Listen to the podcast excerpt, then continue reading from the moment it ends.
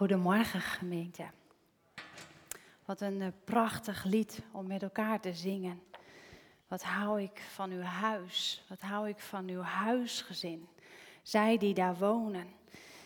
Wat een ehm, mooie, mooie zangochtend. Zo aka, nee, akoestisch heet het hè? Ik wil zeggen a cappella. Gelukkig dat niet. Gelukkig ondersteuning. Prachtig. Heel erg bedankt. Het thema van vanmorgen, ik heb erboven gezet, naar nieuw verlangen. En ik dacht, dat kan je eigenlijk tweeledig interpreteren. Je kunt naar nieuw verlangen verlangen, dat je verlangen vernieuwd wordt. Maar je kan hem ook interpreteren als, ik verlang naar iets nieuws. Ik verlang naar nieuw. En dat is wel waar we het vanmorgen over gaan hebben. Naar nieuw verlangen, naar vernieuwing verlangen. En God wakkert dat in ons lichaam en in ons lijf en in ons zijn, wakkert Hij dat aan. Want God is een God die steeds weer vernieuwt. Bij Hem ben je niet zoals je gisteren was. Hij blijft dezelfde en hij heeft mensen gemaakt en de schepping gemaakt. En in die mensen en schepping zien we steeds vernieuwing, zien we steeds verandering. Ik neem jullie even mee naar een voorval wat bij ons thuis plaatsgevonden heeft. Nadat wij onze jongens, de jongste zit inmiddels in groep 8, maar inmiddels hebben we dus drie jongens het hele kinderwerkprogramma bij ons in de gemeente zien doorlopen worden met een hiaat van corona. En dat heeft na die tijd zeker wel even wat spanning gegeven. Want dan moet je dus weer terug naar dat kinderwerk, waar je dus weer nieuwe mensen ontmoet en nieuwe leiders ontmoet. En hoe dan? Dus dat heeft wel voor wat reuring gezorgd. En sommigen van jullie hebben het meegekregen omdat we hier ook wel onderzocht hebben om ons thuis te maken en ons hier te vestigen. En onze jongens doorliepen het kinderwerk en daar was een programma opgericht in onze gemeente waarbij ze van tijd tot tijd als een soort van markeerpunt een keus konden gaan maken. Een keus voor Jezus. Of niet voor Jezus, die, dat is een keus natuurlijk, dan kan je kiezen. En ehm, dat werd dan gesymboliseerd met een kaart die ze dan meenamen naar huis. En ik kan jullie zeggen, een van de jongens kwam met regelmaat met zo'n kaart thuis. Dat ik op een gegeven moment zei, nou is die keus niet, niet een keer ook gewoon nu definitief. Nee, die keuze moest steeds opnieuw gemaakt worden. En een van onze jongens kwam op een zondagochtend, stapte de auto in, liet vol trots kaartje zien. Ik heb vandaag een keuze gemaakt, maar je moet nu niet denken dat ik in hem geloof. Hij had een keus gemaakt om vriend van Jezus te zijn. Je moet niet denken dat ik in hem geloof. Wat een prachtige manier om zelf te onderzoeken. Ik zei, doe dat ook jongen. Onderzoek. Een vriendschap is er om met elkaar op te trekken. En dan gaat vertrouwen groeien. En dan ga je op een gegeven moment heus ontdekken dat Jezus een betrouwbare vriend blijkt. En dan zal je geloof groeien. Dus ik maak me daar niet zo druk om. Geloof jij maar niet. Dat is oké. Als je maar wel vriend van Jezus blijft. Wij doorlopen in ons geloofsleven fases. En vorige week heeft Willem met jullie stilgestaan bij de, de hunkering naar vragen. Het hunkeren naar het uitspreken van een gebed, een verlangen. Heer, wilt u in mijn lichaam en in mijn leven, in mijn ziel werkzaam zijn? Dat past bij geloven. Dat je met Jezus optrekt en dat je Hem betrekt in je leven. En zo dikwijls geloven we wel, maar vragen we niet. En zo dikwijls hebben we als het ware een vals bescheidenheid, zoals Willem het ook beschreef, en schromen we om te vragen of God iets wil gaan doen in ons leven. In dat opzicht kan geloven zo passief zijn. Maar geloven is niet passief. Geloven gaat gepaard met vertrouwen. En eenmaal wandelend in vertrouwen zul je ontdekken dat het actief is. Geloven is actief. En wij doorlopen in ons geloofsleven fases. Waarbij het kan zijn dat je blijft hangen in die fase van vriend van Jezus zijn. Of dat je blijft hangen in de fase van gelovig zijn. Een gelovige zijn. In Jezus geloven. En ik geloof oprecht dat God iets nieuws in jou en in mijn leven wil doen. Dat Hij ons wil leiden naar een volgende fase. Dat Hij ons wil ondersteunen en helpen in een volgende fase. Zodat we niet meer langer alleen gelovigen zijn, maar ook volgelingen. Ik zal zo meteen daar meer over zeggen. We gaan lezen Jesaja 43, vers 18 tot en met 19. Hij wordt getoond, maar je hebt een Bijbel bij je, dan mag je zeker die daar opzoeken. Jezaja 43, vers 18 en 19. En Willem heeft deze vorige week ook aangehaald. Heeft er andere dingen uitgehaald. Dat is weer het mooie Vonger zei het al. Je haalt steeds weer wat anders uit dezelfde tekst. Willem heeft hem aangehaald en ik zal zo meteen op andere dingen accenten leggen. En sommige dingen zullen overeenkomen. Blijf niet staan bij wat eertijds is gebeurd. Laat het verleden rusten. Zie, ik ga iets nieuws verrichten. Nu ontkiemt het nog. Heb je het nog niet gemerkt? Ik baan een weg door de woestijn en ik maak rivieren in de wildernis. Als je de volgende dia toont, dan zie je even een aantal woorden dik gedrukt. Die gaan we even bij langs. Blijf niet staan bij wat eertijds is gebeurd, want zie ik ga iets nieuws verrichten. Heb je het nog niet gemerkt? Ik baan een weg en een rivier. Blijf niet staan bij wat eertijds is gebeurd. Het risico van gelovigen zijn is dat je blijft stilstaan bij wat eertijds is gebeurd. Je niet uitstrekt naar het nieuwe. Wat gebeurde er vlak voor dit Bijbelgedeelte? Uh, schrijft Jesaja over de weg die God baande door de zee. En het volk Israël was door de, door de uh, zee geleid naar het beloofde land. Althans, ze moesten nog wat omzwervingen maken. Maar God baande een weg. En zij konden zich steeds laten voorstaan op zie, zie wat God gedaan heeft. Kijk, de jaren verstrekken, maar kijk terug. En ze gingen het hun kinderen ook vertellen en hun kindskinderen en zomaar verder, generaties op generaties. Kijk terug wat onze machtige God gedaan heeft. Hij baande een weg door de zee en hij liet de Egyptenaren daar verdrinken. En zo werden wij bevrijd en geleid naar een nieuw land. En het was Godse opdracht ook. Gedenk, herdenk, bespreek met elkaar wat eertijds is gebeurd. Maar, zegt God hier, blijf niet stilstaan. Als gelovigen lopen we het risico dat we als ik jou of als jij mij vraagt, wat heeft God in je leven gedaan? Dat we dan teruggrijpen naar onze eerste liefde. Dat we teruggrijpen naar ons moment van bekering. Dat we kunnen benoemen, oh God deed tien jaar geleden een wonder in mijn leven. Hij heeft me genezen, hij heeft me bevrijd. Ik heb een wonder gezien voor mijn ogen. En dan doet God vandaag een oproep aan jou. Kijk niet terug naar wat eertijds gebeurde. Want heb je het niet gemerkt, ik ga iets nieuws doen. We lopen het risico te blijven hangen in wonderen, gebedsverhoringen, eerste liefde, je bekering, maar ook oude liederen. Als je als gelovige blijft wandelen op de weg van gelovig zijn en alleen gelovig zijn.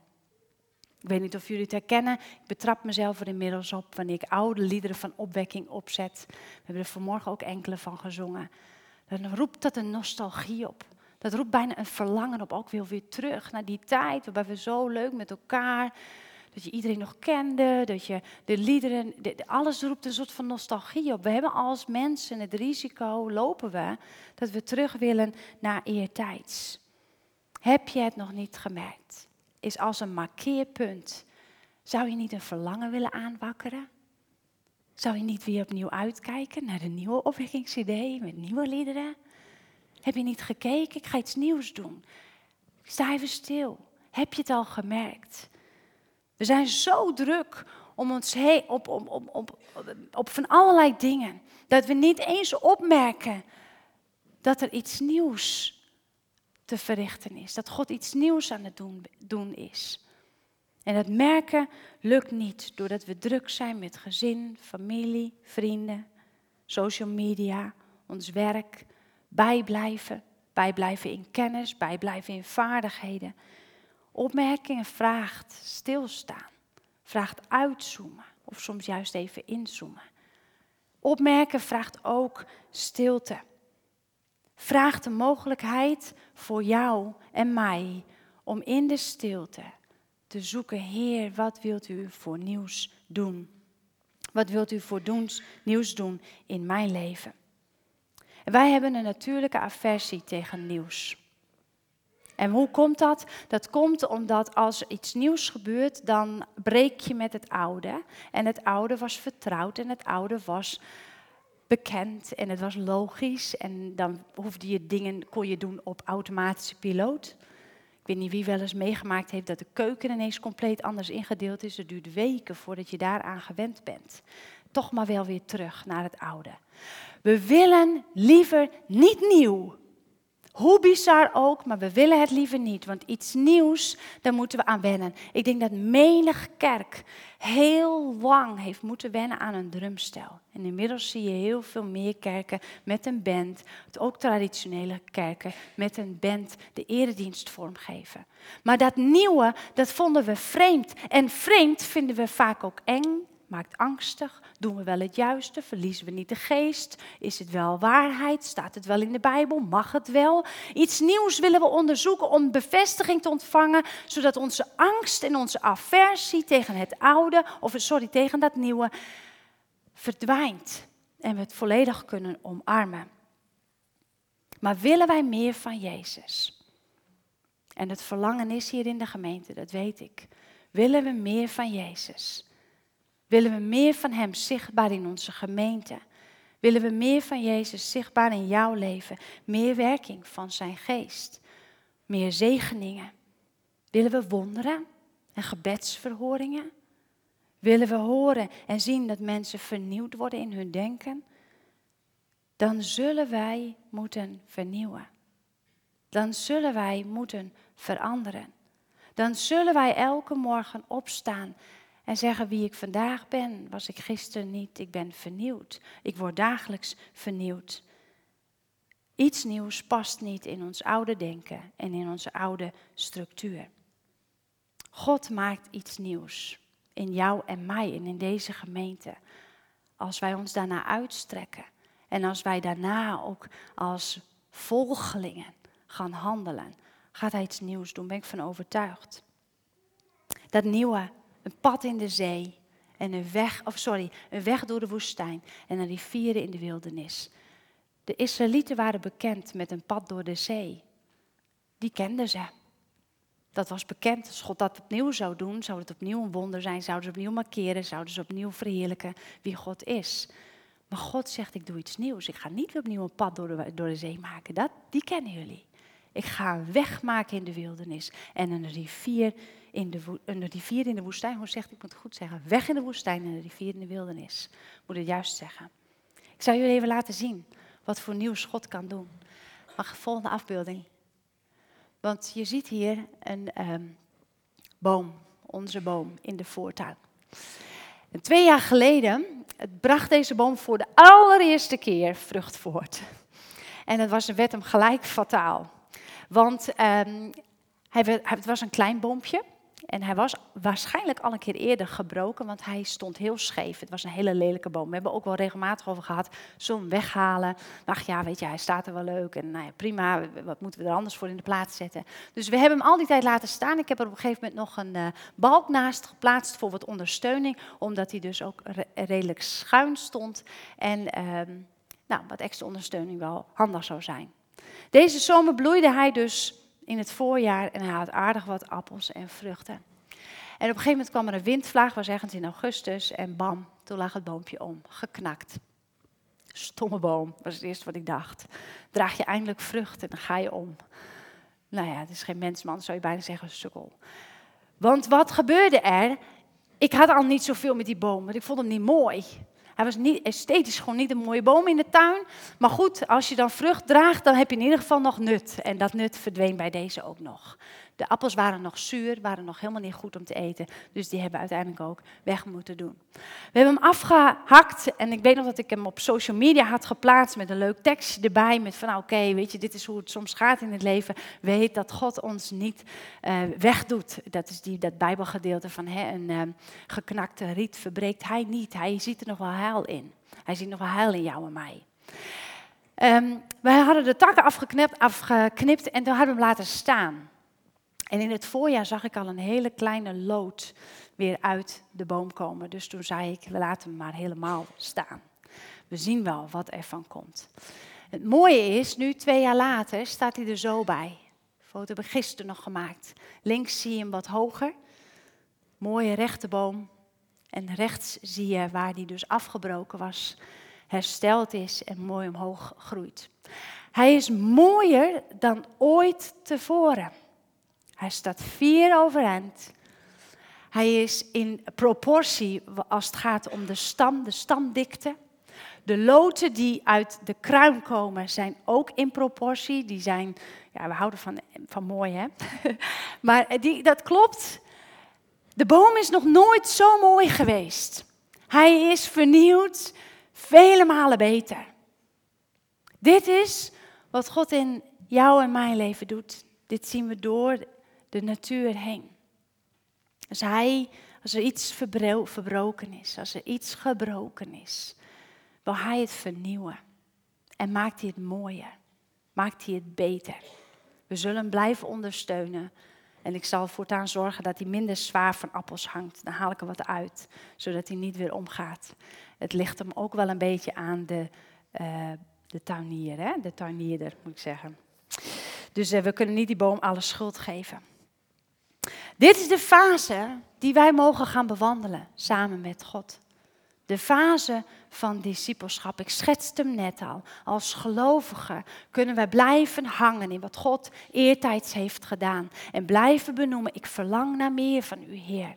Ik verlang naar meer van uw werking, in, van uw geest in mijn leven. Ik verlang naar zoveel meer van u, Heer Jezus, in mijn leven. Maar als wij niet die weg die God baant gaan bewandelen, gaan we die nieuwe dingen niet zien. Als wij niet opmerkzaam zijn voor het nieuwe, gaan wij het niet zien. De fase van volgeling zijn van Jezus gaat gelovig zijn voorbij. En hoe dan? God maakt een weg, zegt Jesaja.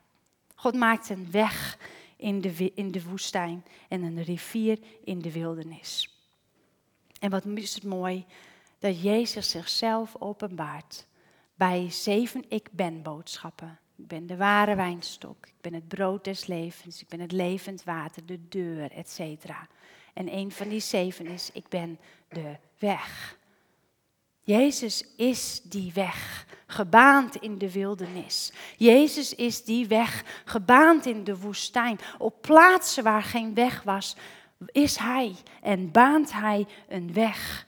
En een weg is niet passief. Gemeente Smallingenland legt hier niet een nieuwe weg aan voor de jeu. Die leggen een weg aan om overheen te wandelen, om overheen te rijden. Die zorgen ervoor dat er, dat er verbindingen ontstaan, zodat wij ons kunnen voortbewegen. En als Jezus zegt, ik ben de weg, en hij nodigt zijn discipelen uit, volg mij. En nadat hij de discipelen drie jaar lang opgeleid en getraind heeft, zegt hij tegen de discipelen, maak nieuwe discipelen. De hele wereld, bevol alle volken op de wereld, maak je tot mijn discipelen. En leert hen te doen wat ik ook deed. Dus willen wij iets nieuws, willen wij vernieuwing, willen wij verandering en willen wij meer van Jezus, zullen we moeten onderzoeken, wat is die weg? Hoe ziet die weg eruit? En als ik Jezus dan volg op die weg, wat vraagt dat dan van mij? Jesaja 40 tot en met 44 worden de messiaanse profetieën genoemd, waarin met regelmaat de komst van Jezus wordt voorspeld. En eerder in Jesaja 40 spreekt, eh, spreekt Jesaja van de woorden, baan de weg. Dezelfde woorden die Johannes ook spreekt. Ik maak de weg klaar, want na mij komt er iemand die groter is. Volg hem. Een weg om te bewandelen om Jezus op te volgen, te doen wat Hij deed. Niet vanuit wetmatigheid, niet vanuit omdat we gelovig zijn, maar omdat we het verlangen hebben om een volgeling van Jezus te zijn. Om, een, om die uitnodiging van Jezus, volg mij, gestalte te geven. En die is uniek. Want in die tijd waren er maar enkele discipelen. Zoals wij hier zitten, zouden er maar enkele zijn. Vrouwen in eerste instantie al uitgesloten. Alleen mannen volgden het programma om een rabbi te volgen. Dus je moet je voorstellen dat je onderwijs volgt en dan ben je een jaar of twaalf en dan ga je of als je jongen bent, het beroep van je vader leren, timmerman of een, boer, et cetera. En de vrouw gaat in de leer bij moeder om te leren hoe je een huishouden runt. En al vrij vlot na je twaalfde word je uitgehuwelijkt en zeker als jonge meid, jonge tiener, ga je dan een gezin stichten samen met je man. En slechts enkelen mogen onderwijs volgen uit de Torah, uit de Tenach, het Oude Testament. En ben je daarin uitmuntend, dan mag je achter een rabbi aan. Misschien dat hier maar één of twee mannen zitten die het zo ver schoppen, zouden schoppen in die tijd, om achter de rabbi aan te gaan en daarin van de rabbi te leren wat hij doet, te kopiëren. Wat hij zegt, ook op die manier uit te spreken. Zelfs de intonatie en het stemgebruik. Alle handelingen, alle gebruiken die een rabbi had, leerde de discipel exact kopiëren. En was je dan klaar, dan mocht je zelf een rabbi worden. Een uitmuntende status, zowel cognitief als in vaardigheden, als in kennis, als in drive om te willen leren, koos een rabbi een discipel uit. En Jezus koos er ook twaalf. Mannen, volwassen mannen, die al in heel veel gevallen een beroep hadden en een gezin hadden. Die dus niet die route doorliepen die de anderen wel doorliepen. En hij leert hen alles te doen wat hij ook deed. Te bidden, te spreken, stille tijd, bestuderen van het woord, hoe je voor mensen zorgt, hoe je mensen bekommert. Alles wat we van Jezus kunnen lezen in de Bijbel, leerde hij zijn discipelen exact kopiëren. En nu is het wonder. Toen ging hij naar de hemel en hij stortte zijn geest uit op een ieder van ons. En toen zei hij, ook jij, ook jij, tiener, ook jij vrouw. Elke gelovige krijgt van mij de uitnodiging een discipel te worden. We zijn met elkaar uitverkoren om die hoogste status die je in het studentenleven maar kan ontvangen, te krijgen. En volgeling te worden van Jezus. En dan doet hij een beroep op jou en op mij. Mag ik vandaag iets nieuws in jou doen? Wil jij mij volgen? Want dan gaan we elke dag iets nieuws leren. En elke dag iets nieuws doen. Volgen is actief niet passief. En toch zit er een stukje genade in Bijbeltekst. Zou je hem nog even willen laten zien? Want wat vind ik zo genadig aan dit stukje? Mocht je nou moe worden van het wandelen op die weg. Mocht je nou moe worden van het steeds bezig zijn met hoe deed Jezus, hoe handelde hij, hoe deed hij, hoe sprak hij, dat moet ik kopiëren. Er zit er een stukje genade in deze tekst. Hij maakte een rivier. Hij maakte een rivier in de wildernis. En dat vind ik zo zalvend. Want weet je wat zo mooi is aan de rivier? Ik weet niet wie van jullie wel eens op een band gedobberd heeft in de rivier.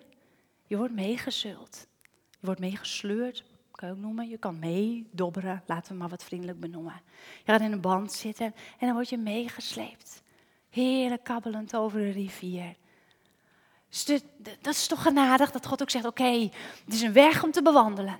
En het is een harde weg, want drie jaar lang kregen die discipelen echt de hoogste scholing. Actief, fysiek, zowel fysiek als geestelijk actief.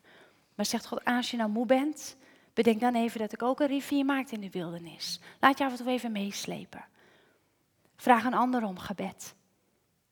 Vraag even of iemand anders een lied voor jou wil zingen, als het jezelf niet lukt.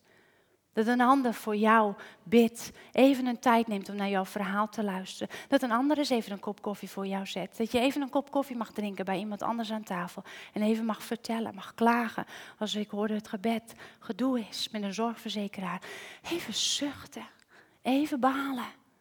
Omdat dat mag, omdat, dat omdat een rivier ons die toegang geeft. De verkoeling en het mee laten slepen. Even easy going.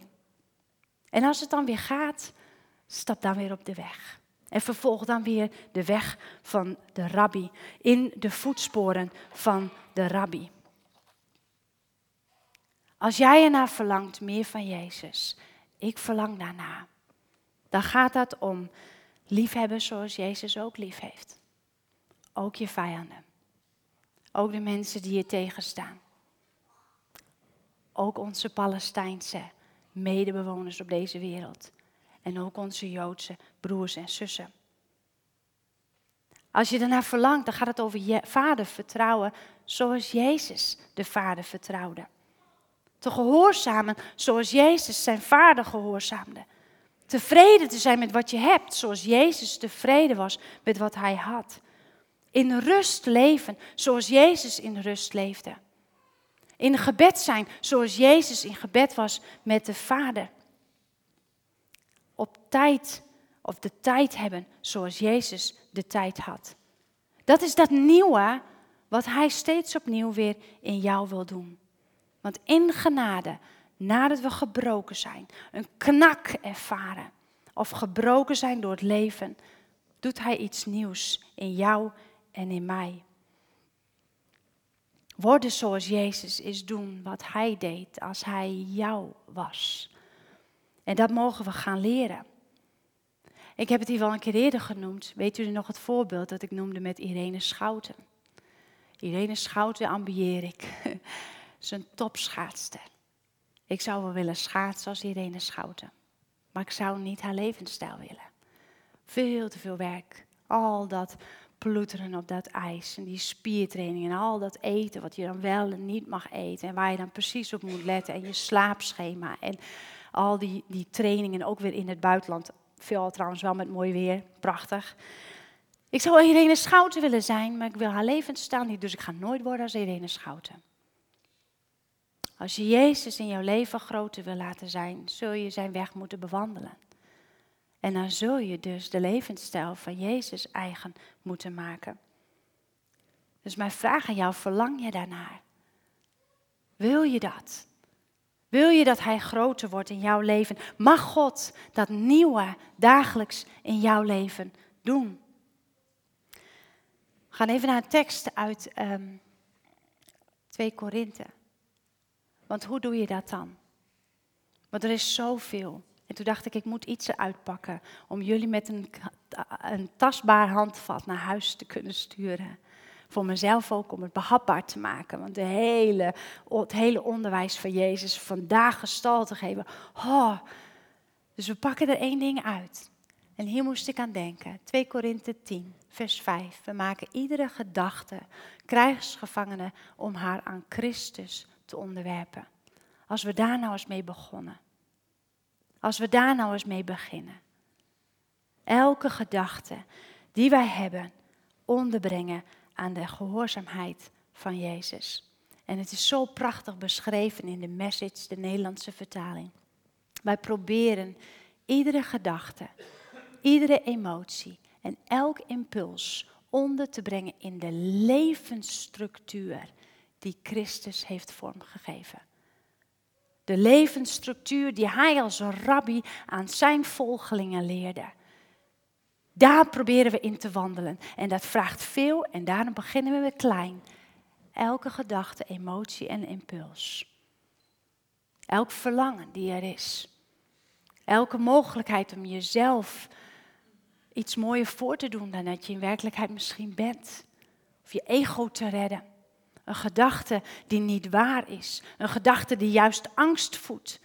Een impuls die eigenlijk gaat over jezelf willen bevredigen, over een behoefte van jezelf willen bevredigen in iets nieuws of in, in, in lekker eten of nou noem maar op. Al die emoties, gedachten en impulsen brengen we onder in de levensstructuur van Jezus. En nu weer genade proberen. Wat een heerlijk, heerlijk woord. Het is niet moeten, maar wij proberen dagelijks, als wij nou als deze gemeente hierom bekend zouden staan. Volgelingen van Jezus die elke dag proberen, elke gedachte, elke emotie en elke impuls passend te maken aan de levensstructuur van Jezus. Passend te maken in de levensstructuur van Jezus. Man, dan gaan we nieuw worden. Dat is vernieuwend. Dat is verfrissend, bevrijdend. Dat geeft ruimte. Daar verlang ik naar. Want ik weet 100% zeker dat ik dan morgen liever lief heb dan dat ik vandaag deed. En meer in rust leef dan dat ik gisteren deed. Dat ik meer vrede ervaar dan dat ik gisteren ervoer. Dat ik daardoor een mooier mens word die meer op Jezus lijkt. En ik geloof dat deze wereld niet gered wordt door miljarden gelovigen in Jezus. En een paar kinderen die zeggen, ik ben vriend van Jezus. Deze wereld heeft discipelen nodig. Deze wereld heeft volgelingen nodig. Die die levensstructuur van Christus eigen gemaakt hebben. Die niet zeggen, ik geloof dat hij het kan. Maar die zeggen, hij woont in mij. Ik bid voor jou en dan gaat het gebeuren. Hij leeft in mij en daardoor geloof ik dat er vrede komt in Israël. Hij leeft in mij en daarom word ik daar niet angstig over. Waarom niet? Omdat elke gedachte, emotie en impuls past in die levensstructuur. En ik heb Jezus één keer angstig gezien. En dat was bij Golgotha. In de tuin van Gethsemane. Maar ook daar bracht hij die gedachte en emotie in de levensstructuur van zijn vader. Uw wil, maar niet de mijne. Elke emotie, impuls en gedachte, dat is veranderend. En aan jou is de vraag, wat komt er dan in jou op? Welke gedachte teistert jou? Waarvan je weet, die past niet in de levensstructuur van Jezus. Welke emotie houdt je bezig? Sta je mee op en ga je weer mee naar bed? Welke impuls komt erop? Misschien wel aangewakkerd door woede, door angst, door verdriet, vergeldingsdrang. Onderzoek het bij jezelf. En kun je dan die brengen bij Jezus? In de oudere vertaling om haar krijgsgevangenen te maken. Onder de gehoorzaamheid te brengen van Jezus. Als we klein beginnen ik geloof in, de in kleine stapjes, als we klein beginnen. En dan voegen we daar de volgende keer iets anders aan toe. En dan voegen we weer nieuwe dingen aan toe, omdat God steeds nieuwe dingen wil doen. Dan gaan we toch mooie mensen worden. Dan gaan we toch levensverandering brengen bij andere mensen in onze omgeving. Dan zijn we geur. En dan bloeien we en dan groeien we. Dan worden onze geknakte bomen mooie bomen. Dan worden onze karige vruchten grote vruchten. Zullen we met elkaar in gebed gaan? Hemelse Vader. Dank u wel, Heere God, dat u ernaar verlangt vandaag iets nieuws in ons te doen. Dat u vanmorgen een appel op ons doet. Blijf niet hangen in wat eertijds is gebeurd. Blijf niet hangen, blijf niet stilstaan bij wat ik ooit in je leven gedaan heb. Wees opmerkzaam, want ik wil iets nieuws doen. Ik wil met jou op pad. Ik wil jou discipelen. Ik wil jou als mijn volgeling. Dank u wel, Hemelse Vader, dat wij stap voor stap mogen leren te leven en te wandelen in de levensstructuur van uw Heer Jezus. En we bidden u, Heer, daar waar we nu zitten op onze plekken en uw geest een appel doet op ons hart. Breng die gedachte, breng die emotie of die impuls, dat gevoel. Breng dat bij Jezus. Laat Hem de vervuller zijn van al jouw behoeften. Laat Hem jou de vredegever zijn.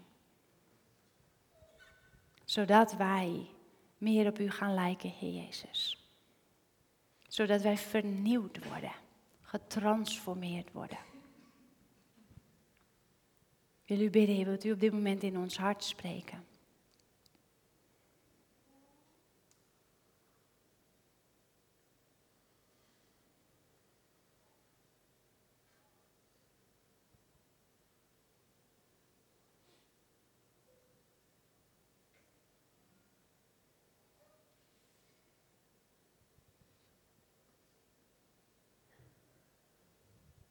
Heer, we bieden het aan.